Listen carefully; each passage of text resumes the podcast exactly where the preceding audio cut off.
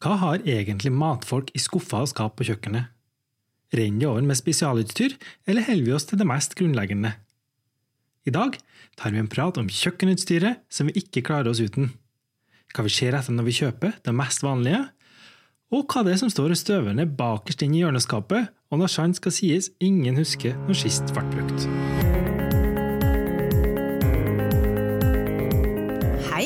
Jeg heter May-Britt, og jeg sitter her på kjøkkenet mitt i Oslo. Og jeg heter Vidar. Jeg sitter på mitt kjøkken i Istanbul. Velkommen til Vaffel, en podkast om mat.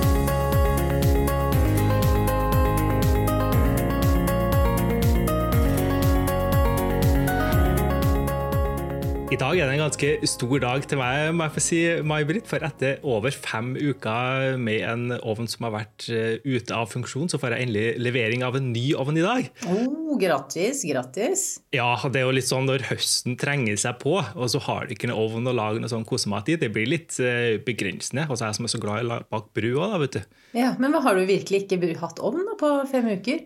Nei, nei, nei, jeg venta på sånne reservedeler for å få fiksa opp den gamle. da. Men så viste det seg jo at det var um, for mye som var kjørt inni der. Det var vel en sånn spenningsendring som tok eh, knekken på elektronikken. Så da var det tryggere å kjøpe en ny en til slutt. Så mm. da måtte vi bare krype til korset. Så, men det blir jo litt spennende òg. Det er jo litt artig ja. med nye ting òg.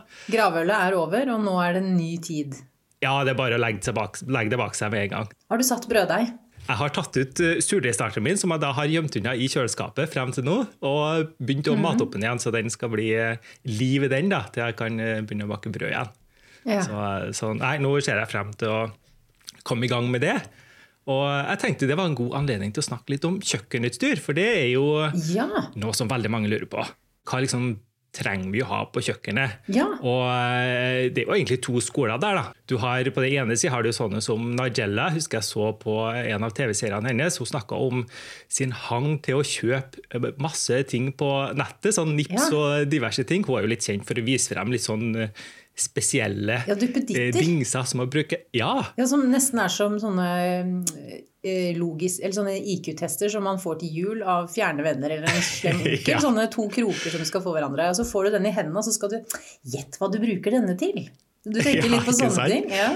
ja, hun har en del, men jeg husker hun snakka om en gang at hun gjorde en liten feil. Hun satt på nett og skulle bestille noe, og så, så en sånn sak som river opp parmesan. Og tenkte ja, det var litt morsomt å ha en sånn sak som river opp parmesan, så hun slipper å stå og rive med det rivjernet sjøl og så dukka opp på døra. Altså, jeg tror ikke, Det finansielle er jo ikke noe problem på, til Nigella, så jeg tror ikke hun har sjekka prisen. da. Nei. For det som dukka på døra, var en sånn svær maskin som maler et helt hjul med parmesanpulver. så, så, vi kan si at Nigella er den maksimalistiske enden tror jeg, av Åh. skalaen på kjøkkenutstyr. Ja, jeg ser henne for meg om natten der og slikker fingrene rene fra noen sjokoladekake hun har, eh, har ja. laget, i lyset fra uh, laptopen, hvor hun da bestiller den gigantiske maskinen og gleder seg. Ikke sant? Men hvordan er du? Er du, er du en sånn, eh, litt sånn Nigella-aktig, eller er du mer på Marie Kondo-sida og eh, egentlig vil bli kvitt alt som ikke brukes hele tida? Oi, ja. Jeg tror ikke jeg klarer å velge den ene eller den andre, men jeg er nok et sted midt imellom. Jeg, tror jeg, jeg vil nok si at jeg er litt som min mor og mine besteforeldre i Skjåk, ja. som eh, skaffet seg det de trengte av kjøkkenutstyr, og så brukte de det til de ikke hang sammen. Altså jeg syns eh, Jeg er jo mhm. generelt ikke så veldig, jeg er ikke noe glad i å liksom gå i butikker og se etter om det kanskje finnes noe her i verden jeg trenger. Jeg er sånn som går ut og handler noe fordi jeg trenger noe. Jeg vet mm. at jeg må ha det. Mm. Uh, og det er ikke av prinsipp, det er bare fordi jeg syns det er så dørgende kjedelig å gå i butikker mm. og handle. Uh, så jeg er nok et sted midt imellom. Jeg har ikke veldig mange store fancy maskiner, mm. f.eks. Ikke et sånt uh, sånn mastodont som skal rive parmesan. um, veldig få elektriske ting. Um, jeg har én kjøkkenskuff ja. til, eh, som er den roteskuffen med Sestjern og sitruspress. Og der er det rotete, selvfølgelig. Jeg kunne sikkert ryddet oppi der. Mm. Så ikke helt Marie Kondo? Nei, jeg ikke, men jeg er nøktern. Jeg er litt Ja. sånn uh, norsk uh, bondefornuft, nøktern, Mm. når det kommer til kjøkkenutstyr. Ja. jeg er ikke en nyfrelst uh, gourmetmann. Nei, du, du går ikke rundt og, og kikker i de kjøkkenbutikkene og ser på hva du mangler som du bare er nødt til å ha, selv om du kanskje skal bytte bare én gang. Nei, jeg har en stor skjerm inni hodet som hele tiden siden den Ja. sier men trenger jeg dette, da? Men trenger jeg dette da? Jeg orker ikke å ha masse stæsj Ja. som jeg ikke trenger. Og jeg har ikke plass til det heller. Det er jo ofte en ting som, eh, som begrenser hva man har, da kanskje. At man ikke har plass til det på kjøkkenet, rett og slett. Altså, det finnes Ja, ja. virkelig ikke fysisk plass. Mm. Det kan jo ikke stå midt på bordet eller midt på kjøkkengulvet. um, så det begrenser seg selv. Og ikke noe hensikt å på en måte studie bort i et kott heller, for da blir det i alle fall aldri Nei. brukt. Ja, men jeg har ikke et kott å studie det bort i. Hvis jeg kjøper noe, så må det ha sin plass, og det må Ja. være noe jeg bruker. Ja. Hvis ikke så går det ikke. Jeg har en sånn liten regel som jeg lager for meg sjøl. Jeg tror det var fra det var London, og hadde jo også veldig lite plass. ikke sant? Mm. Da, Hvis jeg føler på at nå hadde det vært kjekt å ha den utstyrstingen der, eller den duppeditten, eller hva det nå er, for å hjelpe meg å gjøre det litt enklere Hvis jeg kjenner på den tre ganger, Ja. da er det på en måte innafor å tenke på å kjøpe det. ja. Men uh, å kjøpe noen ting bare fordi det er behov for det én gang, det har jeg aldri gjort. Nei. Men hva kan en sånn ting være, da? Som du har kjent på tre ganger, og som har fått innpass? Eh, pastamaskin, f.eks. Ja. sånn, eller, eller ja, maskin, jeg vet ikke om man kaller det maskin, da, for den er jo, det er jo ikke noe elektronisk. Den er jo sånn hånd... Jeg kaller den maskin. Jo, men den er mekanisk. Det er en mekanisk maskin. Ja, ikke sant? Jo, det, det er jo fint, for da får jeg jo ikke det samme problemet som med stekeovnen min. Det er jo ingen, eh, det er jo ingen spenning som skal inn i den, så den eh, surrer og går. Bortsett fra din egen. Ja, ikke sant? Eh, så, så det var en sånn ting som jeg gikk og tenkte på eh, ganske lenge, og kjevla ut da, pasta når jeg skulle lage det eh, de oh, første gangene. Jo, men det er jo en liten test da, for å se om det faktisk er noe du kommer til å bruke eller ikke. Så jeg er litt på den sida. Men tenker du, at, tenker du at ethvert hjem bør ha en pastamaskin? Ethvert kjøkken? Nei, vet du, det tror jeg ikke, fordi det er ikke alle som kommer til å lage pasta sjøl. Jeg tror det er mange pastamaskiner som står og støver ned i et Ja. kott. Sånn som folk har fått av venner som vet du er glad til å lage mat, og så vet du ikke at Nei, men du gidder ikke å lage pasta sjøl. Men altså, jeg, jeg tror det handler om å være litt realistisk. Jeg tror, um, altså Hadde ikke jeg hatt den jobben jeg gjør, og hatt mulighet til å gjøre ting på dagtid, sånne ting, for det tar jo litt tid, ikke sant? så vet jeg ikke om jeg kommer til å gjort det ofte nok til at jeg syns det har vært verdt å investere i pastamaskin. Altså. Og jeg er jo litt sånn nå da, at jeg har ikke noe mot å det. ikke sant? Når jeg ikke da har pastamaskin, så trenger jeg ikke å lage sånn kjempefine ravioli. Da kan jeg lage en sånn eh, eh, Ja, lasagne eksempel er jo fint, fordi det er ikke så nøye om det er helt perfekt. ikke sant? Jeg hadde nok aldri laget pasta selv hvis jeg ikke hadde pastamaskin, for jeg har ikke tålmodighet til å Mm. Nei. stå og kjevle ut en sånn elastisk pastadeig. Da hadde jeg Å, Nei. nei. Hadde vi gått sultne til sengs her, altså. Da hadde det blitt bare saus.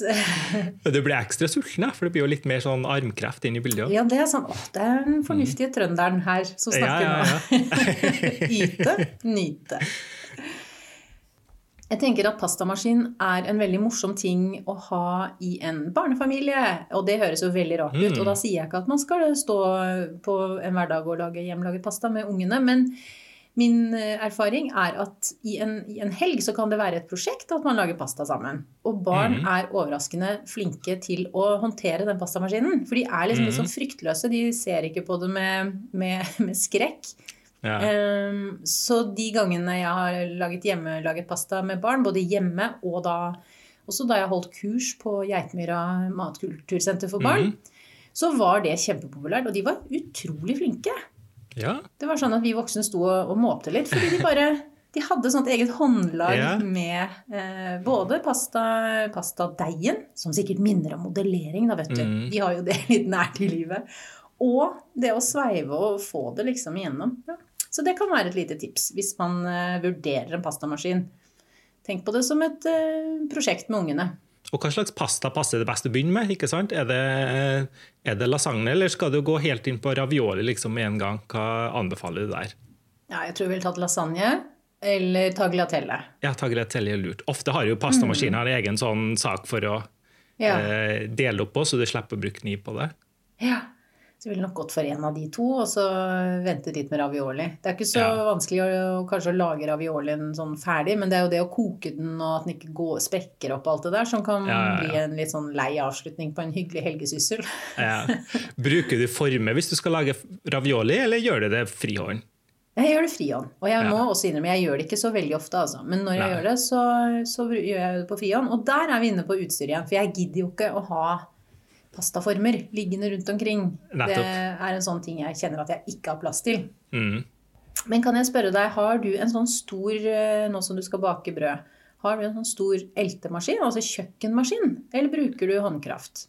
Det, nå bruker jeg egentlig håndkraft, eller kraft og kraft. Jeg baker jo eh, eltefritt. Eh, Det har jeg gjort egentlig ganske lenge. Jeg er veldig sjelden jeg baker en deig, eller for brøddeig, da, som må knas. Da er det snakk om boller og sånt. Der, eh, selv om vi hadde Ina inne på en tidligere episode her og snakk om eltefri bakk, så er jeg, i hvert fall frem til nå, da, har vært på den eltesida av ting på eh, søt gjærbakst.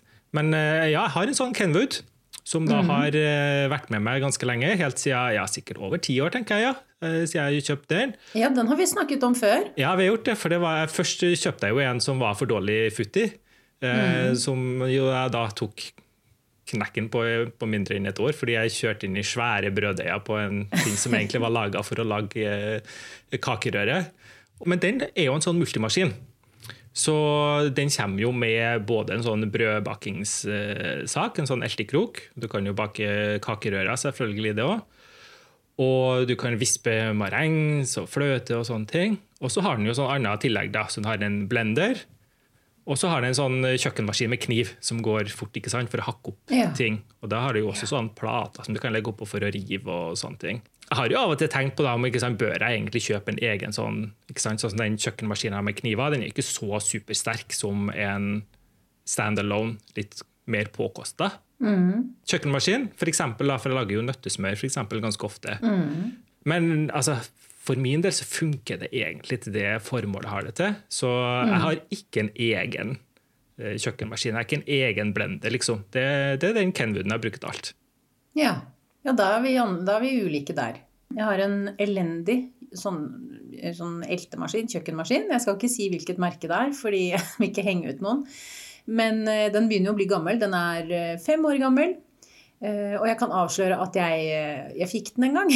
Yeah. Av fremmede mennesker. Jeg ikke kjøpt den selv. Men den bråker forferdelig, og den hopper altså rundt på kjøkkenbenken når, den, når jeg skrur opp eh, dampen på den. Jeg har hatt et par hakk i gulvet der jeg bodde, òg, for den, den begynner jo å gå hvis du setter Ja. litt futt på maskinene og går fra den. Ja, når deigen er større enn maskinen nesten. Ja. Og tar den med seg ned i bakken. Nei, men den, det, så det ønsker jeg meg. Jeg ønsker meg en god, ordentlig eh, sånn type kjøkkenmaskin. ja. Men eh, jeg har eh, en, en sånn foodprosessor. ja. Mm. Matmølle, tror jeg man kanskje kaller det på norsk. En mm. ordentlig god en som jeg investerte i for et par år siden. Som er fransk og er Magimix og har en ja. kjempekraftig motor og brukes på flere profesjonelle kjøkken. Og den er helt magisk, altså. Faktisk. Ha!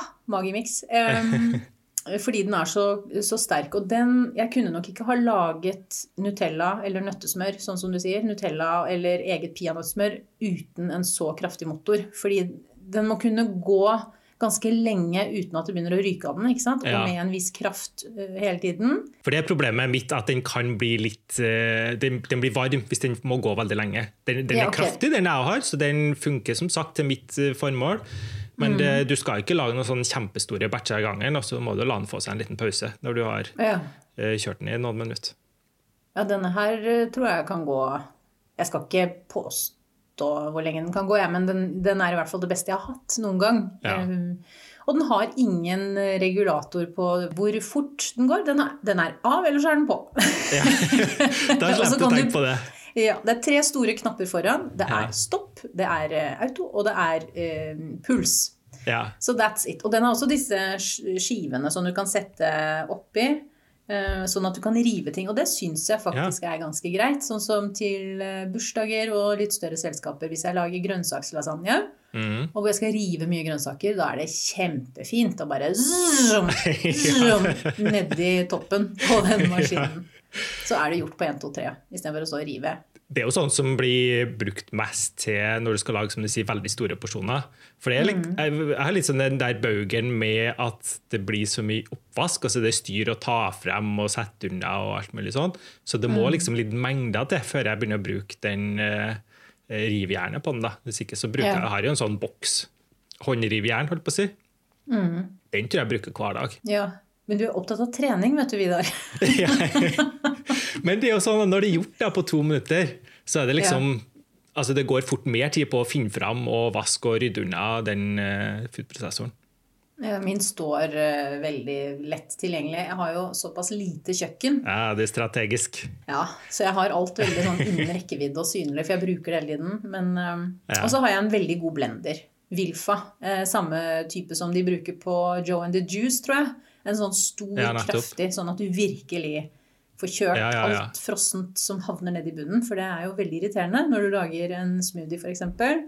Og så blir eh, de frosne jordbærene bare liggende nedi. Men det, et Mm. tips da, som jeg fikk da jeg skulle kjøpe ny blender, eh, det var å kjøpe en som har en firkantet kolbe. Fordi da vil du få en annen snurr på det du putter oppi. De går ikke bare rundt og rundt. De, blir, de må krysse noen hjørner og vil da bli slengt ned i bunnen igjen mot knivene.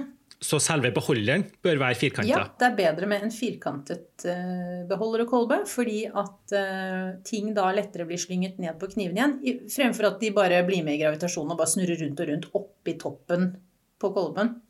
Så den kan jeg anbefale. Den er kraftig, den er firkantet, og den er helt nydelig. Og så vil jeg komme med et lite, helt innlysende tips til hvordan man rengjør Mhm. um, den kolben på en kjøkkenmaskin. Ja, det vil jeg gjerne høre på.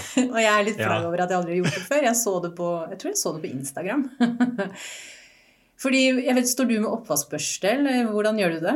Jeg prøver så godt jeg kan å ta det med én gang, for da holder det som regel å bare rense. Ja, og bare skylle. Ja, ja, ja. Du skyller den over litt sopp oppi. Men det for å få den ordentlig ren. Du skyller kolben, har oppi litt oppvaskmiddel, Mm. og så litt sånn halvfull, ca. tre kvart Nei, kvart full. På med lokket. Setter den tilbake på maskinen. Ja. Og kjører den på puls. Aha! Ja! Hva skjer da? Ja, da Da får du sko på hele kjøkkenet hvis du Nei, du må ha på lokket! Jeg har gjort det, jeg har gjort det. Det Ja, ja. Da blir den, vasker den jo seg selv, og så kan du bare helle ut og skylle den i varmt vann. Så er den ferdig.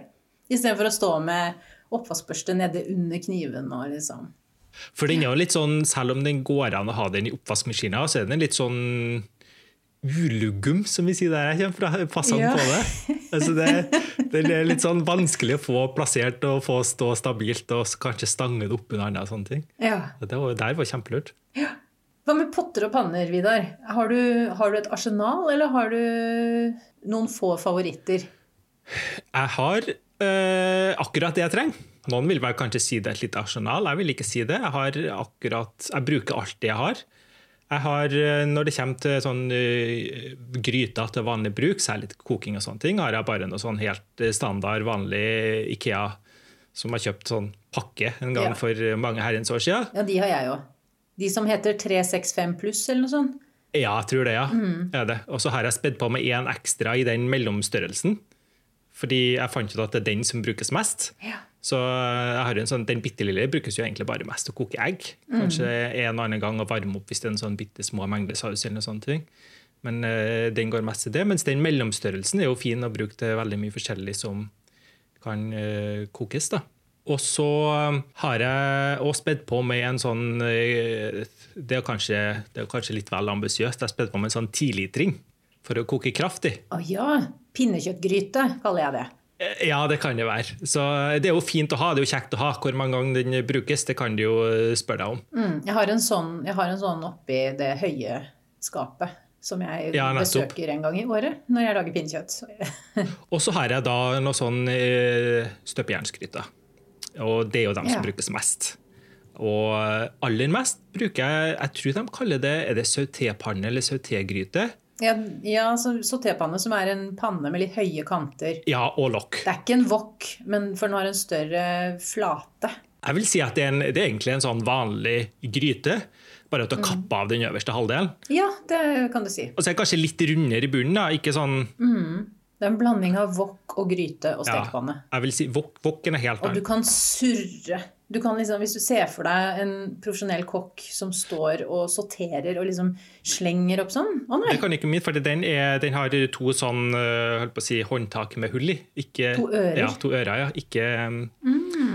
ikke en sånn stang. Jeg har en vanlig, vanlig stekepanne da, eh, i støpejern Ja. som jeg har sånn langt håndtak på. For du bruker jernpanne. Til stekepanne jeg bruker litt begge deler. Eh, bare si Den sautépanna den bruker jeg egentlig til alt. Den, eh, for den er perfekt. Vi er jo to, og jeg lager ofte så det blir tre eller fire porsjoner. Om det nå er snakk om ikke sant, bolognesaus, eller om det er snakk om en sånn enkel gryterett, eller noe sånt. ting. Perfekt størrelse.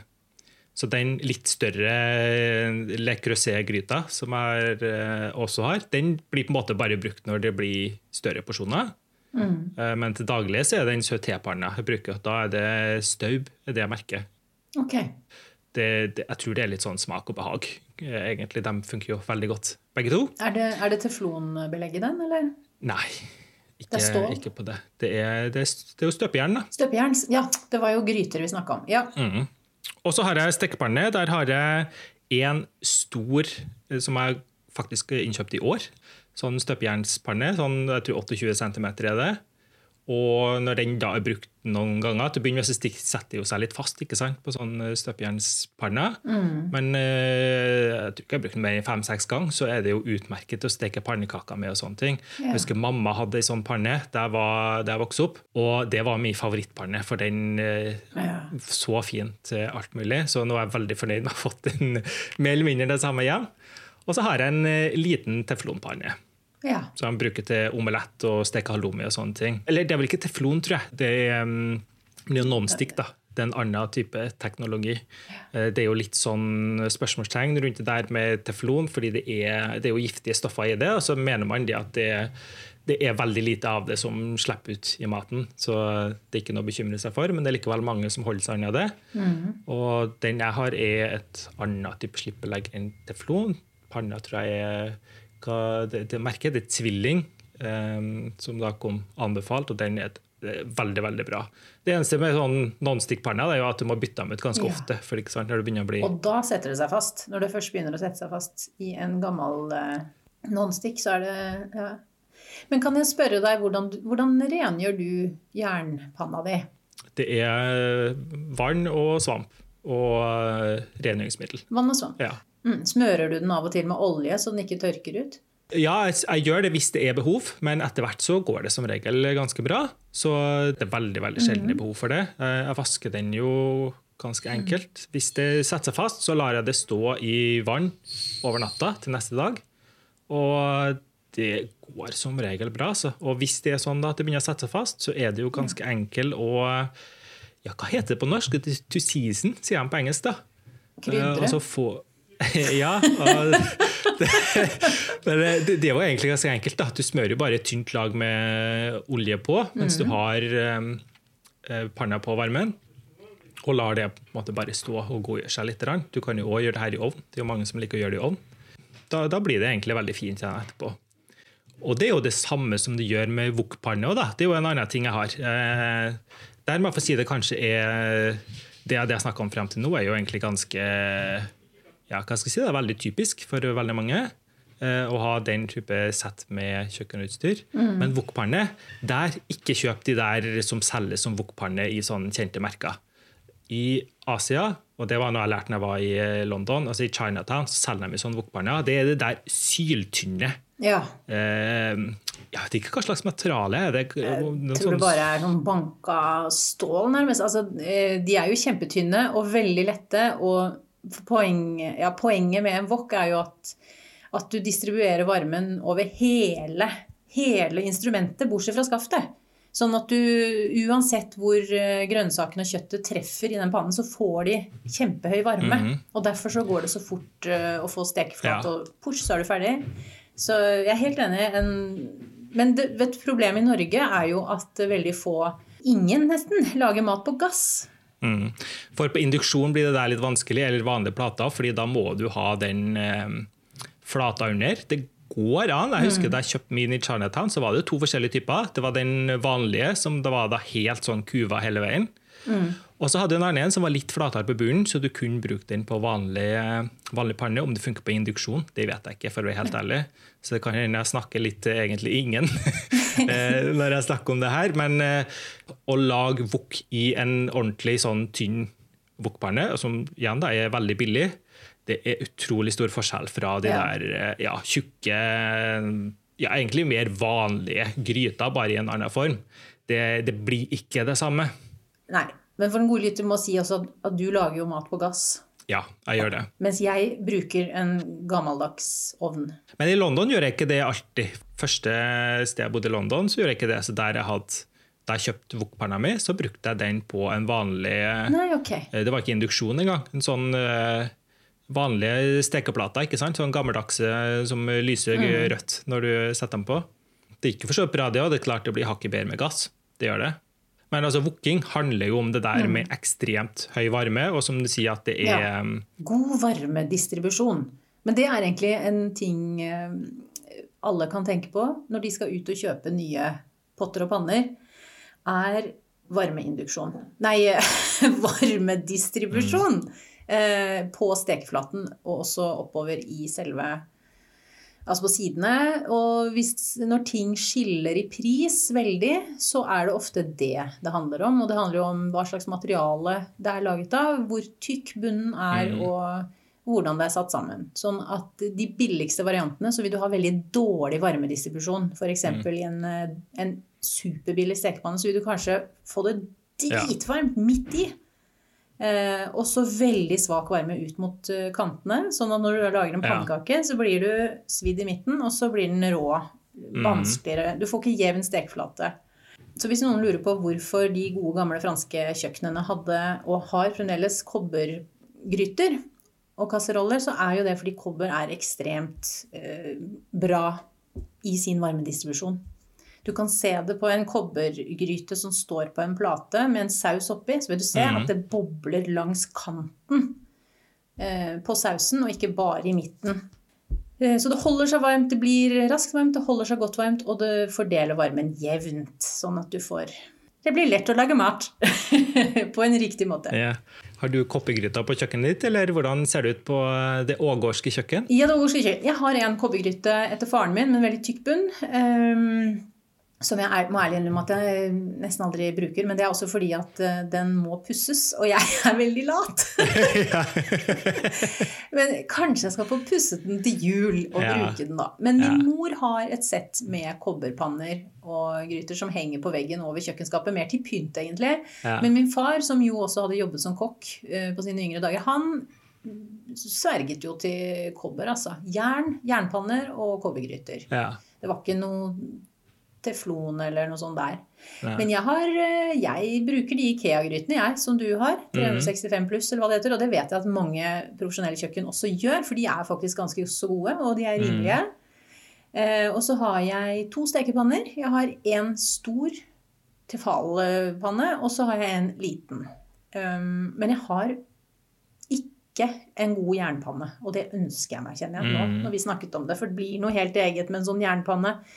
Det er liksom Et kjøkkens historie setter seg liksom i ja. i den pannen, og det, det lukter så godt når du har smør i den. Og jeg vet ikke, det er, ja, det er noe sånn sjelelig og sanselig og deilig med en jernpanne. Det er jo som sagt det er det eneste av kjøkkenutstyret jeg egentlig husker på fra barndommen. liksom, som er virkelig sånn, Ja. den, den hadde jeg et forhold til, altså den stekepanna. Egg og bacon i jernpanne en søndag morgen, Mm. det kan jo nesten ikke bli bedre. Jeg tenker at på mange hytter eh, rundt om så er det sånne gamle jernpanner Mm. som har hengt der siden hytta ble bygget på 60-tallet. Det er koselig. Og bare å steke biff og sånne ting, ikke sant? At du får en sånn, fordi den holder så godt på varmen, den er såpass tjukk, ikke sant? Mm. Det blir ikke sånn at temperaturen synker med en gang du har oppi noen ting i den, og dermed så får du en sånn fin karamellisert overflate, og det, ja, det er en fin måte å steke det på. Altså, men jeg har jerngryte. Jeg har en svær å, Åh, hvor mange liter? Ikke, så svær, da, men en sånn oval stor fra Le Creuset som er i støpejern. Den fikk jeg for eh, hva kan det være da? 18 år siden, og den like. Den ser helt ny ut, selv om jeg bruker den ukentlig. Og den bruker jeg også når jeg lager store eltefrie brød. Og så passer jeg da på å olje den innvendig av og til. For når du baker brød i støpejernsgryter, så blir de grytene veldig dehydrerte. Eh, så da er det viktig å tilføre litt fett av og til. Nå bruker jeg bare en eller annen ikke en ekstra virgin olivenolje, men bare en billig olivenolje eller en, en som tåler høy varme. Da. Og så jeg den stå med det, og så tørker det litt av igjen. Det var et godt tips, for det tror jeg mange som ikke tenker på. Det visste jeg ikke ja. sjøl heller. Jeg bruker det jo ikke til grytebrød, da. men eh, Nei, det er jo veldig, veldig lurt tips. Jeg har en mindre Creuset også, en, eh, og den er emaljert. Og den trenger man ikke å smøre med olje. Den har jo emaljen som mm. beskytter jernet. Emaljert, er det dem som er beige, og så er dem ja. som ikke er emaljert, er dem som er svart inni? Ja, det er det. Mm.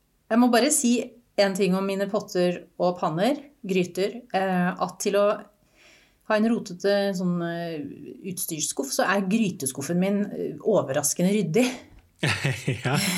Der må alt ha sin plass, ellers så går ikke den skuffen ja. igjen. Veldig enkelt. Nei, nettopp. nettopp. ja. ja. Det er sånn til meg, det må stables på rett måte.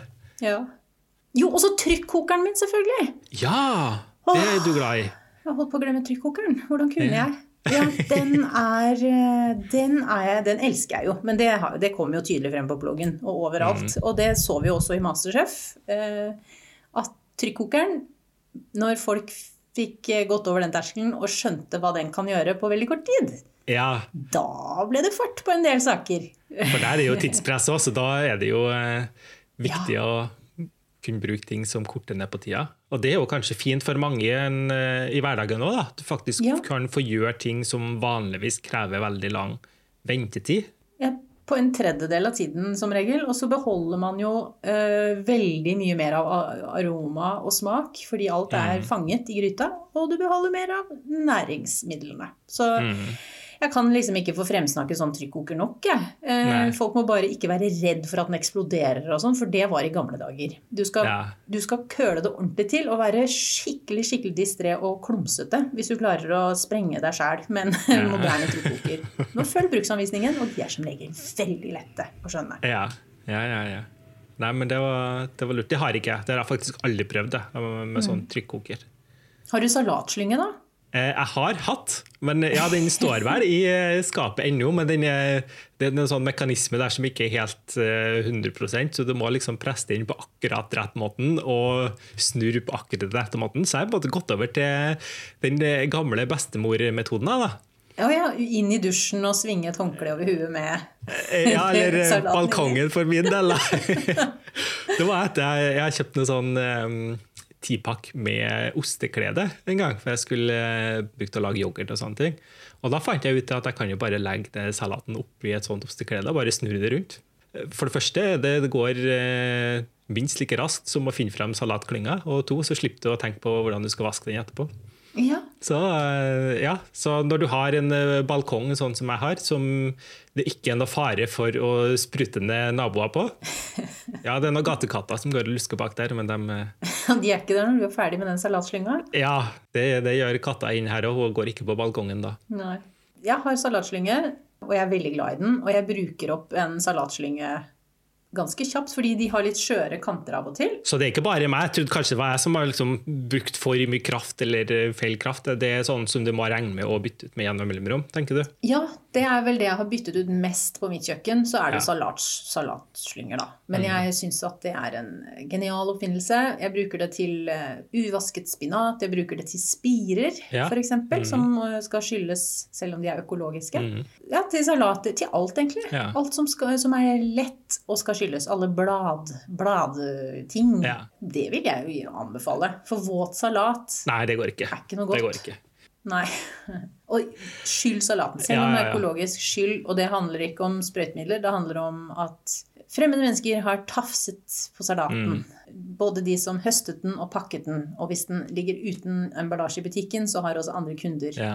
tatt på salaten.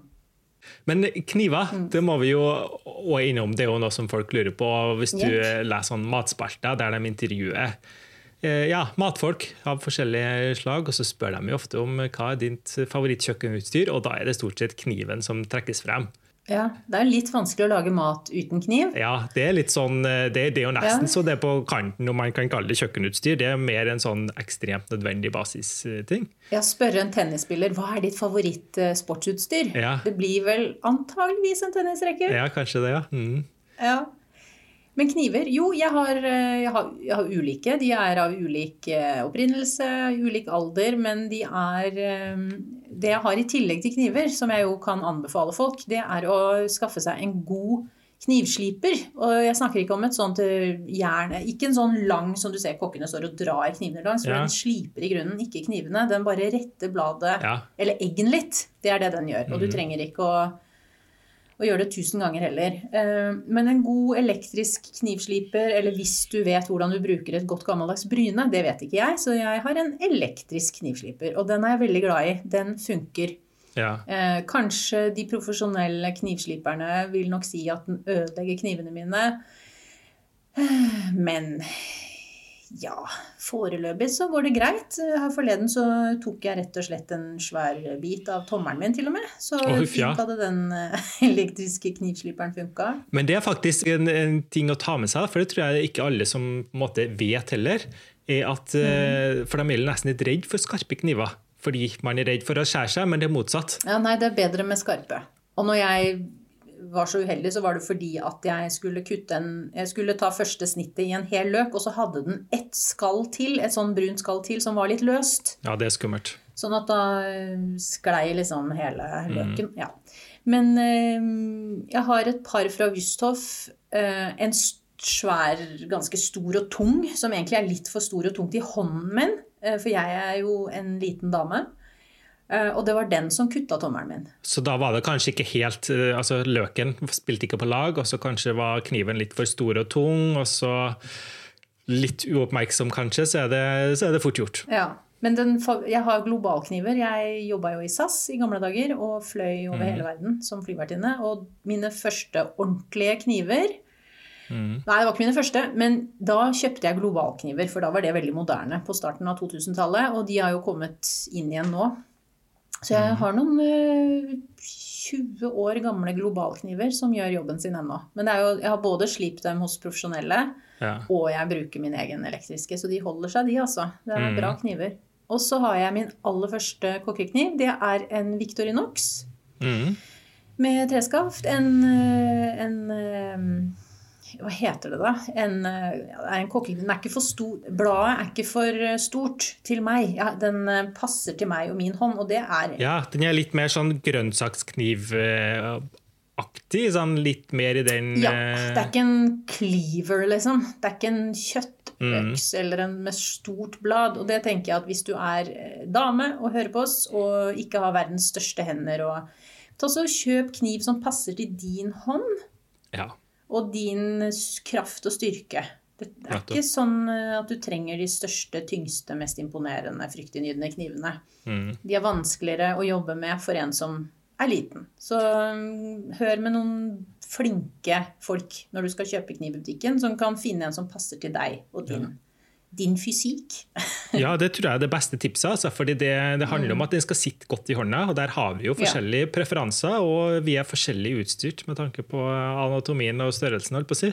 Så det kan være at det som passer for meg eller deg, ikke nødvendigvis det som passer best for andre. Men mm. jeg vil si det, det er utrolig viktig å ha en god kniv. da. Ikke kjøp en sånn, eh, altså Hovedkniven din bør ikke være en sånn billig sak søkt, kjøpt på eh, julesalg på en sånn eh, et eller annet greier. Eh, Jeg har i alle fall én ordentlig kokkekniv som eh, skjærer godt. Jeg må få si, jeg bruker jo egentlig bare det slippstålet til å um, kvesse opp knivene mine. Ja, du, du er jo god på det, ja. Og ja, jeg synes det er litt sånn du må, du må bruke noen runder kanskje på å lære deg rette vinkelen på det. ja. Og nå husker jeg ikke vinkelen i hodet, i alle fall, men det var Jeg husker først, altså, Bare for å prøve å få det som mer eller mindre rett, så stilte jeg først i 90 grader. Og så prøvde jeg, og så liksom halverte det til 45 grader. Og så halverte jeg det igjen. Og så var det, ja, det var liksom, jeg gjorde det på den måten, da, så jeg fikk sånn noenlunde det antallet, den vinkelen som du bør ha. da. ja. Og, og da når jeg så hvordan det så ut, så går det på en måte greit. Og det er jo litt slingringsmann. Det, og, og det er ikke verre, har jeg funnet ut, enn hvis det blir litt dårlig en gang, så er det bare å prøve en gang til, så blir det bra igjen. Ja. Og det har egentlig fungert bra. Og jeg tenker jeg bør jo egentlig levere inn mine til sånn profesjonell slipping, da, for det bør du jo gjøre med jevne mellomrom. Det, Som du sier, det, det slippstålet, det, det, det er jo på en måte en sånn quick fix. Ja. Men eh, skarpe kniver er viktig. Også hvis du skal eh, jobbe med barn i et kjøkken, så er skarpe kniver bedre enn sløve kniver. Også fordi, og dette høres litt sånn makabert ut, hvis de skjærer seg, eller når de skjærer seg, så vil du få et renere eh, kutt med en skarp kniv Ja. enn med en sløv. Det høres litt sånn ekkelt ut, men det er bedre å, bli, å skjære en bit av eller i fingeren med en skarp kniv enn en sløv. Du får et renere kutt, det er lettere å hele. Absolutt. Og så kanskje enda viktigere da, så er det det, sannsynligheten for at det skjer er mindre. Fordi Ja. når du eh, har en skarp kniv, så bruker du mye mindre kraft. Det er jo det som eh, kanskje en del gjør litt feil, da, når du ikke har ordentlig skarpe kniver, eller kanskje egentlig aldri har hatt det fordi du ikke har tenkt på det. ikke sant? Og um, det er at eh, når du bruker en kniv, så skal du egentlig bruke veldig lite kraft. Det er bevegelsen som skal komme seg gjennom. ikke sant? Det er ikke at du skal legge liksom hele overkroppen bak, som eh, skal få ting til å dele seg. Kniven skal jobbe mest, ikke du. Nettopp. Og da, da, blir det, da har du mye mer kontroll på kniven, nå, og dermed er det mindre sjanse for at du skjærer deg. Ja. Når du kommer til fjøler, hva foretrekker du der, Vidar? Dette, jeg, dette er en ny ting jeg har oppdaget skjønner du, med fjøler. Ja, Eh, hobbykokk versus proffkokk. Ja. Tre eller plast? jeg må få være så ærlig å innrømme at jeg bruker plast, og det er egentlig én enkel årsak til det, og det er at de eh, går i oppvaskmaskiner. Og eh, jeg slipper å tenke så mye på det. Og der er de innom hver dag. Helt enig. Ja. Da er vi helt på samme tog. Ja. Men proffene er kanskje ikke helt der. De, de som kanskje har andre til å vaske for seg. Ja, du skjønner, jeg oppdaget dette da jeg, vi hadde resteduellen i Masterchef, hvor vi lager eh, matretter av restene etter hovedkonkurransene. Da var det jo invitert inn profesjonelle kokker som vi konkurrerte mot, og hvor jeg var med både å konkurrere og bedømme. Og da de gjorde klar sin mise en place, så ville samtlige ha en stor, tung trefjøl. Ja. Ja, og de så, og, men, men så hadde vi på sett så hadde vi plastfjøl med magnet inni som satt fast i disse stålbenkene. ja. Man kunne lett eh, sånn at ikke de skled. ikke sant? Kjempesmart. Ja, jeg, jeg elsket jo de plastfjølene. jeg syns de var supersmarte. Men eh, proffisene de ville ha stor, tung trefjøl, og gjerne da med en eh, godt vridd opp klut under, sånn at det sitter. Eller litt Ja. eh, godt vridd opp eh, solid tørkepapir. Men det, det er et godt tips sånn generelt. Det bruker jeg etter jeg har på en måte Jeg har, en én finger på venstre Mm. hånd som eh, har en litt annen form enn de andre, fordi jeg gjorde som deg, tok, tok av en liten tupp. Og ja. etter det så har jeg blitt veldig bevisst på det at eh, den fjøla må sitte ordentlig godt på underlaget. Og måten jeg gjør det på, er jo å um, fukte et dobbeltlag med eh, kjøkkenpapir. Som, eh, som jeg da legger under, og da sitter det godt. Eller du kan selvfølgelig fukte en kjøkkenhåndkle eller en klut eller et eller annet. Det, det er veldig enkelt, men ut, gjør en utrolig stor forskjell. Særlig hvis det da er litt sånn som typisk har litt lett for å gli. Ja. Men hvorfor foretrekker proffene eh, tjukk tre? Er det, er det noe sånn matmessig spesifikt bak det, eller er det mer komforten og det estetiske? Jeg tror ikke det er komfort eller eh, Jo, kanskje litt komfort. At den ligger tungt på, på benken. At uh, trefjøler som regel er store. Um, at kniven uh, kanskje går bedre på tre enn på plast. ikke sant? På plast så Ja. får du jo mer um, motstand uh, etter hvert. Plastfjøler er jo som regel ikke helt glatte. De er litt sånn Ja. eh, bitte, bitte små riller, ikke sant? Eh, det kan hende at eh, jeg, jeg kan, Når jeg resonnerer nå, så lurer jeg på om det kan være det. At kniven rett og slett jobber bedre på tre ja. enn på plastikk. På profesjonelle kjøkken så vil jeg jo anta at det brukes mye plastikk pga. hygiene. ikke sant? At det kan, i hvert fall store fjøler til sånn grovkjøkken, da, som kan gå inn i de svære vaskemaskinene og må opp i en viss temperatur for at det skal bli rent. For det må jeg si, det er jo, Dere har sett og vært inne på restaurantkjøkken, så har det vært de der svære, tjukke plastfjølene eh, som har vært brukt der. Det, altså Ikke de sånn tynne, flimsete som kanskje noen av oss har, men, eh, men May-Britt, nå har vi snakka veldig mye om eh, ting som er veldig velkjent, og ting som jeg tror de fleste har i en eller annen variant. Men eh, jeg er litt nysgjerrig på det. Har du noen sånn kuriositeter? Litt sånn eh, Hva er ditt parmesanhjul? Eh, Ja. holdt på å si Ehm, ja. Jeg har ingen jeg har, Jo, jeg, det vil være løgn å si at jeg ikke har et eller annet instrument som jeg ikke bruker noen gang. Jeg husker jeg fikk noen små sånne instrumenter til sånn sjokolade, lage selv konfektkit, og de har jeg aldri brukt. Det er bare tøys. Ehm, har jeg spart på dem? Ja, jeg har jo det. Jeg har tenkt Ja. at kanskje en gang. Men jeg har uh, en vinkork med en uh, knappenål stukket inn i, som ligger i den rotskuffen nærmest ovnen, yeah. som jeg bruker til å stikke hull i eggene mine med før jeg skal koke dem. ah, det var lurt. ja, det er veldig fint. Og så har jeg en vakuumpumpe til vinflasker med, uten skrukork. Ja, så den holder seg etter du har åpna den? Ja, for det er jo vin. eh, Vin ødelegges jo av luft. Ja. Så, se- altså selv om du kjøper en hel flaske vin Jeg drikker jo ikke så veldig mye vin når jeg er aleine, ikke sant. Mm. Men hvis jeg får lyst på et glass og har en skikkelig god flaske med vanlig kork, og åpner den, så mm. tar jeg et glass, og hva gjør jeg med resten? Hvis jeg bare lar det stå med vanlig korken, så vil det jo komme Da er det luft i flasken, og da oksiderer jo vinen. Eller da blir vinen for dårligere kvalitet Ja, etter hvert. ja. Så da har jeg fått en eh, Dette er litt flaut, for jeg har fått den av datteren min. Jeg ønsket meg en helt spesifikt altså, til jul Eh, Ja, ja, ja. for noen år siden. Det, det, var, det var ikke et hint fra dattera. Var Nei, det var ikke det. Nå må du korke flaska, mamma. Nei, det var ikke det. Hun spurte hva jeg ønsket meg til jul, og det er jo mange år siden nå. Så hun og faren hennes var i butikken og kjøpte det til meg, da. ja.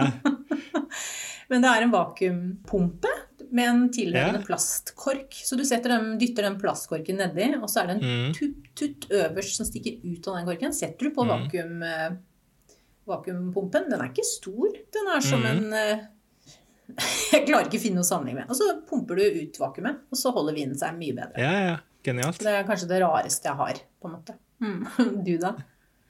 Eh, nei, jeg må si jeg har ikke så mye eh, kanskje rareste. Jeg vet ikke om det, da, men eh, ja, jeg, har, jeg har noen ting som bare ligger og egentlig ikke blir brukt. Sånn damprist, f.eks. Det bruker jeg egentlig nesten aldri. Å ja. Det har jeg, og det bruker jeg faktisk. Ja. Nei, fordi jeg, jeg, bruk, jeg har egentlig blitt vant til å gjøre det på en annen måte. Jeg har en sånn eh, svær sånn sil, ikke sant? sånn pastasil, som passer perfekt i en av mine kasseroller. Så når jeg skal dampe ting, så bruker jeg bare det. Så har jeg den oppi kasserollen. For da får Det det, mye mer Ja, det, får, eh, det blir mer stabilt, da, fordi det er en, ikke sant, en sånn skålaktig form på det, i stedet for at Mm. det ligger oppå den der eh, rista. Så, så jeg syns den fungerer bra. Så den damplista den står liksom bare bak der. Men jeg har noen lure ting òg, som jeg egentlig bruker. Og det er hevekurve til brød.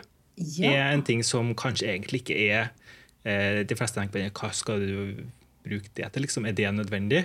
Men det er altså en veldig genial ting når eh, jeg baker brød. Ei En hevekurv er da en sånn enkel ja, Ser jo egentlig ut som en slags sånn eh, brødform, bare med laga av bambus. Så det er jo sånn treringer, kan du si, som lager ei brødform.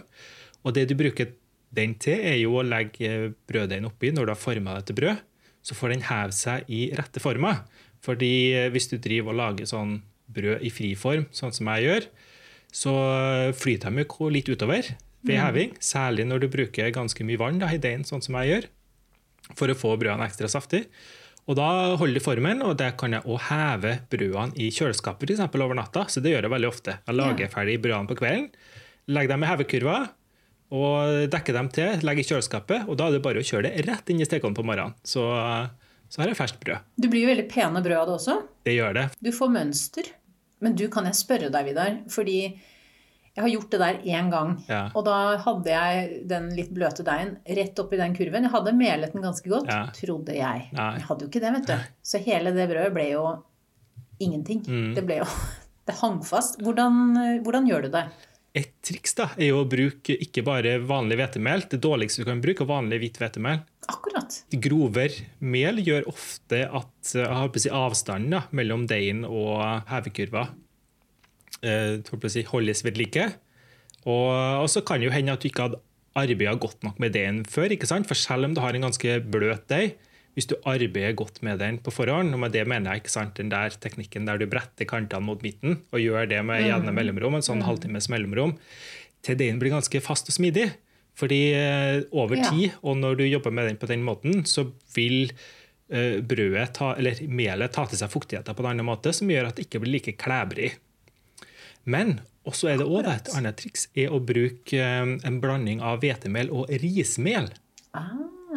Fordi rismel er veldig god på å ja, holde den avstanden, eller holde den deigen fra å feste seg. Og så er det sånn, tror jeg, at Når du har brukt hevekurven, litt som de der støpejernspannene, når du har brukt dem noen ganger, så um, blir det litt lettere. Ja, den må ikke kjøres inn. Ja, fordi det, det, det, setter seg jo fast noen sånn biter på det. ikke sant? Mm. Eh, litt sånn mel her og der som gjør at det blir litt mer ja, nonstick. da. Så, Så, og så, og så finnes det jo òg varianter, jeg vet ikke om det selger det overalt, men første hevekurve jeg kjøpte, den kommer jo òg med sånn, um, et sånn klede i lin som du kan trekke på. Ja, det er fint. Ja, så da, da får du ikke det mønsteret, da, men det, det er jo ah, ja. enda lettere å unngå at det fester seg fast. da. Ja, Nei, vi har mønster. Da blir det mel her hos meg, i hvert fall. Ja, nei, det, Men det er jo bare å ha på nok mel, og så når du øh, har gjort det noen ganger, så finner du ut hvor mye du trenger til mm. din deig. da. Og det var veldig gode tips. Jeg er helt sikker på at jeg ikke er den første eller siste eller eneste mm. av de som hører på, som har kanskje prøvd en sånn og i ren frustrasjon satt den ved har, Min har stått lenge på vent nå bare for å bli kassert, liksom. Jeg må bare finne ut ja, ja, ja. den skal kildesorteres, hvis du skjønner. ja, Nei, den må ikke kassere, nei. Nei, da skal den få en eh, sjanse til. Hvis jeg får ut de restene som sitter inni alle sprekkene. og så særlig, og, um, og, du kan jo òg ta den siste hevinga sånn som jeg gjør i kjøleskap. Fordi eh, når deigen blir kaldere, så strammes den jo opp. Ah, dette var gode tips. Mm. Veldig gode tips. Tusen takk. Ja, så da håper jeg den har fått, kan få et nytt liv, istedenfor å ende på uh, i, i, en uh, kildesorteringsboks. Ja, den takker deg fra den Rema-posen den står i ute i gangen og venter på å dø. Men du, nå tror jeg jeg hørte noen kom på døra her. Jeg lurer på om det er stekeovn. Så nå tror jeg ja. nesten jeg må begynne oh. å tusle i vei og se Spring, spring, spring, og ja. nyt den nye ovnen. Ja, den må vel kjøres inn, så blir, den, den, må testes nå i løpet av den neste uka. Det blir masse Nå skal du fylle huset med duften av nybakt bakst. Ja, jeg har jo den lista med retter som jeg hadde lyst til å lage, som jeg ikke kunne ha lagd nå på over en måned. Så det, neste uke blir det i eh, ovnens tegn. Nå blir det busy dager på et kjøkken i Istanbul. Det gjør det. Mm. Men vi snakkes om en uke, da, Vidar, og kos deg med stekeovnen. Takk for det. Det gjør vi. Takk for praten. Ha det.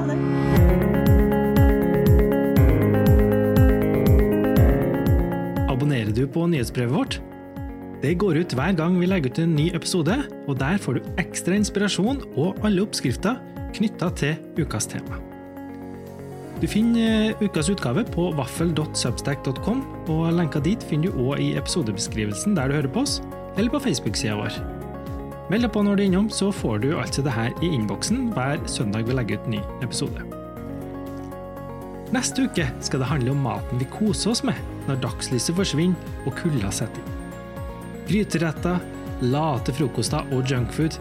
Vi skal rett og slett snakke om kosemat. Takk for at du hørte på oss denne gangen, og på gjenhør.